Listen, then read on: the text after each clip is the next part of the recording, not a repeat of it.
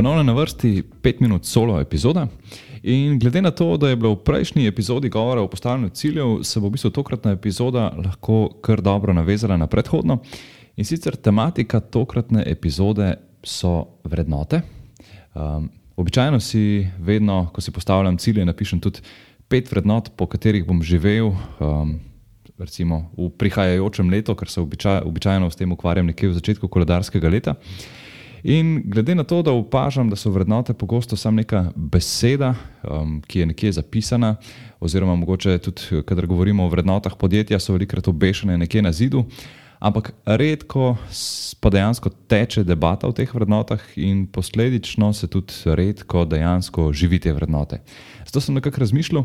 Kako je potem v primeru osebnih vrednot? Um, osebna vrednota ne, ne bi bila nekaj, kar preprosto izbereš, pa si rečeš, da je to, evo, to je moja vrednota in zdaj, bom, zdaj jo bom upošteval in bom živel skladno s tem. Ampak naj bi bile, oziroma um, naj bi bila to neka prepričanja, ki so posledica nekih življenjskih izkušenj, uh, vzgoje in um, jih imamo zakorenjene nekje v podzavesti. Zato sem se v bistvu najprej vprašal, kaj vrednota sploh je. In recimo, če, vr, če verjamemo Wikipediji, Potem um, Wikipedija pravi, da so vrednote pozitivna duhovna in materialna stanja oziroma cilji pri človeku oziroma pri ljudeh, ki so nasplošno civilizacijsko cenjena, ker uh, omogočajo civiliziran, stabilen in varen vrednoten razvoj človeka in skupnosti. V vrednotah se kažejo naši cilji, ki odsevajo naš kulturni in duhovni razvoj. In ja, v nekem te toku, ki je govoril o vrednotah, so bile vrednote v bistvu opisane kot situation independent decision helpers.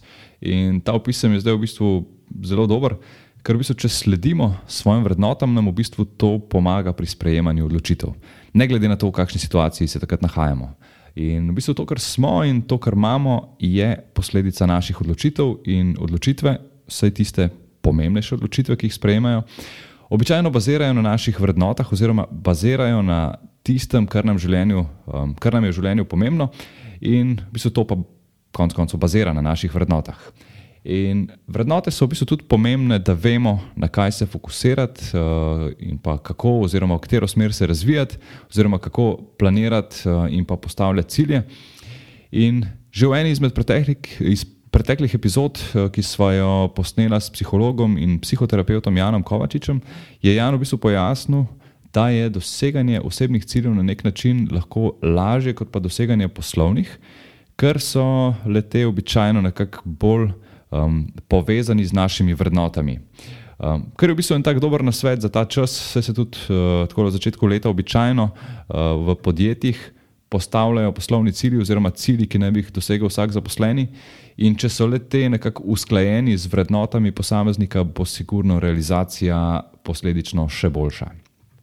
Um, Simon Sinek, uh, avtor večjih bestsellerjev, predvsem na uh, področju leadershipa, je mnenja, da vrednote um, sploh ne bi smeli zapisovati oziroma predstavljati kot samostalnike, ampak bi jih mogli nekako um, predstavljati kot glagole.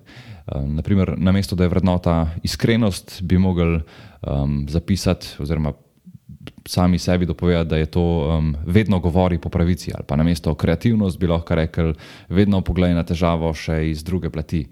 In na ta način bi, v bistvu v obliki glagolov, um, naj bi ljudje bolj razumeli, oziroma se lažje poistovetili z vrednotami. In ja, v bistvu, kar sem želel povedati, je, da je dobro vsake tok časa razmisliti o svojih vrednotah.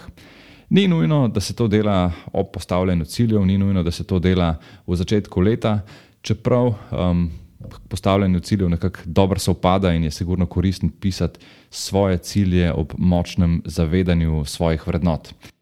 Ampak ja, um, dajmo se najprej vprašati, kaj nam, življenju, kaj nam je v življenju zares pomembno.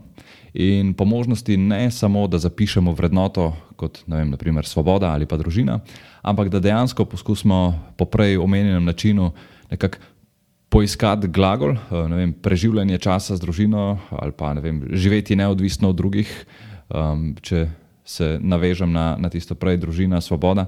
Ali pa mogoče še boljš, da gremo korak naprej in poiščemo čustvo, zaradi katerega se v bistvu počutimo dobro in je zaradi tega um, to za, za nas zares pomembno. Se pravi, to, ta vrednota je za nas pomembna zaradi tega, ker čutimo neko čustvo. Ne, ne, pri družini bi lahko rekli um, skrb za družino ali pa ljubezen do oseb v družini. Um, in pa ja, seveda na to, ko enkrat imamo nabor vseh teh vrednot, ko se vprašamo, kaj nam je res pomembno, pa si nekako zlistamo stvari, ki so nam pomembne, um, je pomembno tudi to, da to, te vrednote ustrezno prioritiziramo in jih razvrstimo po pomembnosti.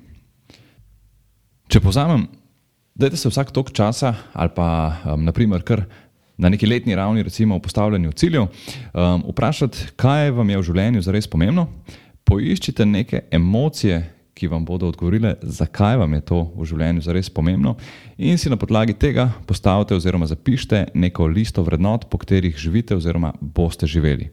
In verjamem, da bo to doskrat koristno, tako kot je prej omenjeno, pri sprejemanju raznih odločitev. Um, to je bilo to v današnji epizodi.